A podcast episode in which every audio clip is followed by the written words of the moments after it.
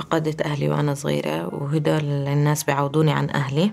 بيعملوا لي أم بيعملوا لي أخوان وخوات. كانت الحياة مشرقة. وجدنا بأسرة ومحيط فيه ملاعب منتزهات حدائق. كأي أسرة طبيعية كنا نعتبر الأخ والأخت هما يعني أخ وأخت من أب وأم ويمكن أشد وأعز. أنا سليم سلامة. بقدم لكم الموسم الخامس من بودكاست عيب من إنتاج صوت. بهالموسم رح نصغي لتجارب طبعت آثارها على ذواتنا وأجسادنا ولكن تم إنكارها لأنها ما زالت تعتبر بنظر المجتمع. عيب.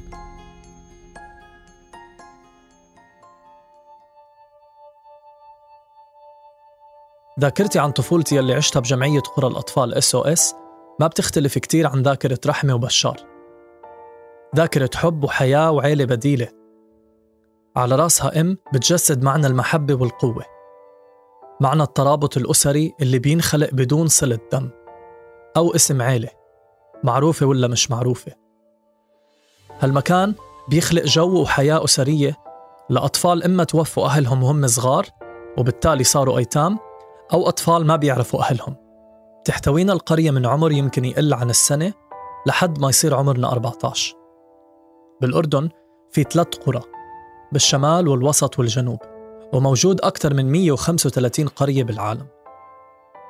بس لما يصير عمر الأطفال 14 سنة بتختلف المعادلة وبصير فصل الجنسين أمر لابد منه فبيتم نقل الذكور لبيت شباب والإناث لبيت شابات خارج القرية لحد ما يصير عمرهم 18 اسمي رحمة عمري 26 سنة.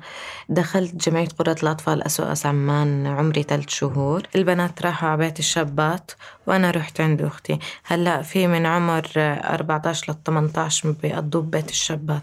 أنا لأنه أختي تعرفت علي رحت عند أختي. رحمة عندها أخت بيولوجية ما كانت عايشة معها بالقرية لأنها كانت أكبر من العمر القانوني بوقتها. والمسؤولين بالقرية قرروا أنه حياة رحمة رح تكون أحسن إذا بتطلع تعيش عند أختها اللي كانت مستقلة ببيت لحالها بوقتها. لما طلعت عند أختي الحقيقية الحياة ما ناسبتني وهي حياتها مختلفة عن حياتنا فاضطرت تطلعنا من عندها. على عمر 15 لجأت للتنمية الاجتماعية.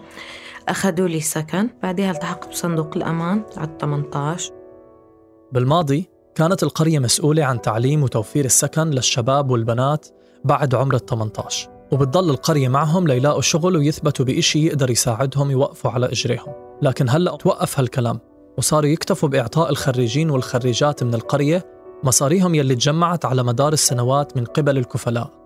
طبعا نسبة المبلغ بتتفاوت حسب الكفلاء يلي كانوا يدعموا كل طفل أو طفلة.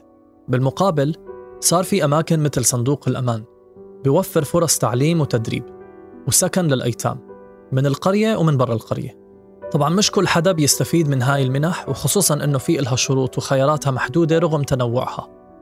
بحالة رحمة قدر صندوق الأمان يوفر لها سكن لمدة ست شهور.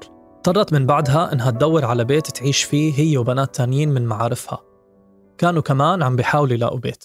ودرست مع صندوق الأمان تجميل وبلشت أشتغل. كنت مجبورة أشتغل أي شيء لحتى أصرف على حالي وشفت إنه الشغل مشعب اشتغلت أول شي في مطعم بابايز وبعد ما خلصت مرحلة السكن ست شهور اضطريت أني أنا أخذ بيت.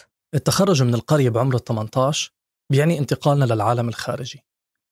يعني انفصالنا عن القرية تماما والبحث عن بيت جديد يحتوينا. بمجتمعاتنا الاستقلال واستئجار البيوت والعيشة المنفصلة عن العيلة صعبة على الكل. بس بوضعنا بالتحديد بتتعقد الأمور بزيادة.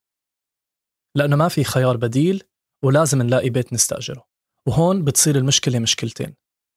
صعوبة فكرة الأجار بحد ذاتها وحاجتنا للإفصاح عن خلفيتنا الاجتماعية للمؤجرين حتى يتفهموا الأسباب. طبعا إني آخذ بيت لحالي كان كتير صعب لأنه ما في ناس بتأجرك بيت عقد لحالك بنت. ما حد بكتب عقد البيت باسم بنت. تمام؟ دائما لازم يكون في رجل. كنت أروح البيت كتير متضايقة. أرجع أدور على بيت. أضلني أدور أدور. كل ما أروح أشوف بيت ما يزبط أحس كل الدنيا تسكرت بوجهي. لما إحنا نروح نشوف بيت وإشي هيئتنا ما بتحكي إنه إحنا مش مناح. بس الناس إلها بالواقع إنه الناس شو بدها تحكي على عمارتهم مأجرين بنات لحالهم. الناس بتصير تحكي. لما بشوفوها مثلا حاطة مكياج أو إشي لا هاي البنت أبصر وين كانت؟ بدهم بنت بدون مكياج. بنت عادية كتير. يعني حتى إحنا في وضعنا إذا شافونا لابسين أو شي ها هاي معها مصاري. بصير البيت هو يعني الجسد تبعنا بس بدنا مكان يقوينا. يعني النوم مريحة. ما حدا يدق عليك يحكي لك بدي أجار. ولأنه مصروف الجيب والأجار من صندوق الأمان مش كتير كبير. غالبا بيكون خيار الأكترية إنهم يجمعوا بعض وكل ثلاثة وأربعة يتشاركوا ببيت يستأجروه سوا. صعوبة الأجار مش محصورة بس على الإناث لما الشباب ينووا يستأجروا شقة مع بعض كتير من الأوقات بخاف مالك الشقة على سمعة بنات الحارة من أي تطورات ممكن تحصل بينهم وبين المستأجرين. واحد من الحلول الواردة لهالمشكلة إنه يعيش الشباب أو الصبايا مع الأم يلي ربتهم بالقرية. هذا في حال إذا كانت الأم متقاعدة من عملها كمربية. من ناحية بضلهم جنب أمهم ومن ناحية تانية تعقيدات الأجار بتتسهل. بس بالحقيقة هذا الخيار أبعد من أنه يكون حل المشكلة لأنه الانتقال للسكن مع الأم كتير مرات بيكون محرم وغير مقبول. عندما خرجت من الجمعية ووجدت أن سوف أسكن مع أمي أول شيء قالته لي وأتذكره الآن أن إخوتها لا يقبلون لنا أن نعيش معها بنفس المنزل خصوصا بأول فترة لأنهم يقولون لها أنه لا يحل لك شرعا. خصوصا الشباب يعني يمنعونهم من الزيارات المنزلية ويقولون هذا ليس محرم عليك. فهنا وجدت حل آخر هو أن أجد مسكنا لي فقط لأنام فيه وإنما أقوم بالنشاطات اليومية عند والدتي. عندما بحثت عن أجارات للبيوت لم أبحث عن فلل ولا شقق كبيرة ولا إنما غرفة وحمام ومطبخ لأنها لم تكن إلا سوى آه، جدران وسرير حتى الخزانة فارغة بالملابس كل ملابسي عند أمي كل مأكل عند أمي ثلاجتي في غرفتي فارغة ثلاجتي عند أمي ممتلئة. عندما أذهب إلى منزلي أول شيء أول ما أستأجر منزل أضعه هو صورة لي أو صورة مع والدتي أو صورة لوالدتي حتى يربطني المكان بالوجدان. اضطر بشار يستأجر غرفة باسم أمه جنب بيتها. يلي بالرغم من أنه كان ملكها ما كانوا قادرين يعيشوا مع بعض فيه. كانت الغرفة اللي استأجرها بشار قريبة من بيت أمه لدرجة أنه كان يشوف شقتها من شباك غرفته. يمكن بشار وصل لقناعة إنه صورة أمه بأي مكان هو فيه بتخليه يشعر بمعنى البيت. بس بنفس الوقت بيشعر إنه القوانين يلي انفرضت عليه وحتى عليها أخذت منه حق الإحساس بروح البيت وفكرة الاستقرار. والغريب إنه مش بس الشباب هم اللي بيواجهوا هاي المشكلة مع أمهاتهم. البنات كمان بيعيشوا نفس التجربة بالرغم من إنه جنسهم مطابق لجنس الأم. كان في خيار إني أسكن معها بس ما بيزبط. أول شيء أمي ست كبيرة وعند أهلها ما بزبط إني أسكن معهم مش لأنه هي عايشة بالمجتمع الخارجي والناس كلهم بيعرفوا إنه أمي مو متزوجة من وين أنا بنتها؟ هلأ لما أحكي للعالم إنه هي أمي كيف هي أمك؟ اسمها مش زي اسمك على الهوية. إيه، أو بالنسبة لإلها إنه هي مو متزوجة كيف عندها هدول الأولاد هلأ بيني وبينها في شعور حقيقي إنه هي أمي وأنا بنتها. بس العالم ما بتستوعب هذا الشيء. ليش؟ لأنه العالم أصلا مش معترفة في إشي اسمه قرى الأطفال أسوأس. إيش بيحكوا لك؟ إحنا مقتنعين إنه قرى الأطفال أسوأس بس بتلم مجهولين النسب. بيهتموا يعني أدق التفاصيل. هم صح ما بيبينوا لك بس دائما الناس عيونها شغالة. وضل هذا الشيء خوف معي. يعني المجتمع كمان بيصنف وبيفرق وبيعمل طبقات حتى داخل نطاق طبيعة الجمعيات. مين يتيم ومين مجهول نسب ومين ومين. التخرج من القرية ما بيأثر بس على علاقة الأم بولادها وبناتها لكنه كمان بيأثر على علاقة الإخوان والإخوات ببعضهم. وبتصير العلاقة يلي بتبنيها الأم وبتربي ولادها وبناتها على أساسها تتعقد شوي شوي بسبب نظرة المجتمع والعادات والتقاليد.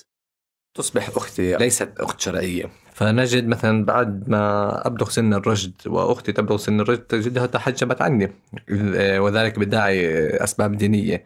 تجدها منهم من لا يقبل السلام عليك بداعي كمان الجوانب الدينية أنها ليست مرتبطة شرعا بي. عندما نتجه إلى مسكن خاص بنا تحن إلى الأخوة حيث أن في العائلات العادية الأخ والأخت ليسوا مشترطين بعمر حتى ينفصلوا فتجدهم ينفصلون عندما يتجوزون لهم متسع من العمر يسكنون. لكن إحنا حددت علينا المدة التي سوف نسكن بها مع إخوتنا في هذا المنزل حيث حددت في مدة جدا قصيرة 14 سنة. كان بالنسبة إلي وأنا طفلة كل الشباب اللي معي أخواني. لما طلعت من القرية وكبرت صرت ناضجة بالغة واعية صاروا بالنسبة إلي حدا غريب. بطلت أقدر أجتمع أنا وياهم بطلت أشلح عن شعري قدامهم. حتى إنه في برمضان بسنة من السنين إنه بنات حبوا يعزموا أخوانهم. عادي أخوان عائلية. أصحاب العمارة اشتكت عليهم إجتهم شرطة الآداب. هلأ أنا ما بقدر إنه أجتمع مع حدا من أخواني. يعني هم بس بالاسم أخوان تربينا معهم بس فعليا لما طلعنا لأ إحنا مش أخوان. بعد فترة طويلة من المعاناة واللف والدوران بين البيوت ورفض المؤجرين قررت رحمة إنها ترتبط. ومع إنه كتير عائلات بترفض فكرة زواج أولادهم وبناتهم من شباب وبنات القرية؟ قدرت رحمة إنها ترتبط بشريك من خارج مجتمع القرية والجمعيات وهون انقلبت كتير أمور سهلت حياتها أو بالأخص حياتها كبنت مستأجرة. بس لأنه صار في زوج وطفل. وعلى الرغم من وجود الحب بهالعلاقة في كتير علاقات تانية بتتم بس مشان تسهل عملية تأمين السكن. هو باختياري بس اضطريت إني أرتبط لحتى أخلص من كلام الناس. هاي بنت ما عندها أهل شو بتعمل بحياتها؟ مستحيل بس إنها بتشتغل وبتروح إلا إنه عندها صحاب وبتروح وبتيجي إلى آخره. فاضطريت أرتبط لحتى أخلص من كلام الناس. لما تزوجت يعني صار العقد باسم زوجي صار إنه عادي كل الناس بتأجرنا. بالنسبة إلي الأساسي هو البيت. صحتي معتبرها إشي ثانوي. مش مهم تلاجتي فاضية تلاجتي معبية. ما حدا شايف شو ماكلة شو شاربة. بالنسبة إلي أجار البيت هو أهم إشي بحياتي. نايمة مرتاحة آه، عندي طفل نايم مرتاح دافي. هاي كل أولويات حياتي. بعدين ببلش أفكر إيش بدي أكل إيش بدي أطعم اللي عندي. لما أستأجر بيت ومعي طفل صار إشي شتان عن أول. صار عندي مسؤولية لازم أشتغل وأتعب لحتى أقدر أوفر هاي الأشياء. لأن إذا ما وفرتها رح أرجع على المكان اللي أنا إجيت منه اللي هو الشارع. مجرد ما إنك أنت تدق باب ناس معينة وبدك تنام عندهم ليلة أو ليلتين بالنسبة إلك شارع. لأنه مكان مؤقت مش بيتك مش إلك. بس بتحس حالك بشارع مش مكانك. فالشارع إله أكتر من معنى. مش إنه الشارع بس اللي بنمر فيه. يمكن رحمة وبشار والآلاف مثلهم رح ياخدهم وقت طويل كتير ويمكن حتى عمر حتى تكون حرية اختيارهم للمسكن والمأوى راجعة لإلهم وإلهم وحدهم. حرية التنقل بأجسادهم وذواتهم من غير الضغوطات الاجتماعية والشرعية يلي بتجردهم من حقهم بالاختيار حقهم بالشعور وحق أجسادهم وعقولهم بالراحة. يمكن لما يقدروا يوصلوا لهاي المرحلة بتصير خياراتهم أوسع. بصير الزواج مش مهرب وبتصير العيلة البديلة مصدر فخر وإشي بيحمل قيمة معنوية تشبه حقيقة الحياة يلي بيعيشوها بينهم وبين حالهم. حياة الجمعيات التي عشتها حياة إيه، عالم آخر.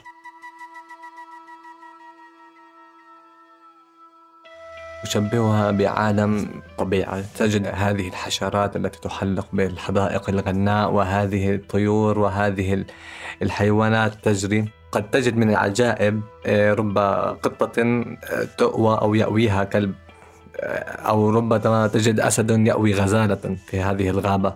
حياتي أعتبرها هي قطفة أو مقتطف من هذه الغابة فتجد أنني أويت في كهف يملأه الدفء كهف آه، يملأه الحنية لأنني أويت بجنب أمي وبجنب إخوتي. مهما أقروا المجتمع أنهم ليسوا هم أخوتي وليسوا هم أمي إنما أنا أعيش بالواقع الذي أريده.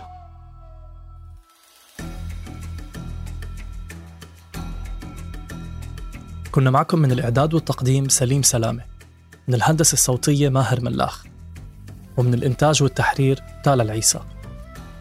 النشر والتوزيع تولته مرام النبالي وجنى قزاز. وشارك بإنتاج هالموسم فريق صوت.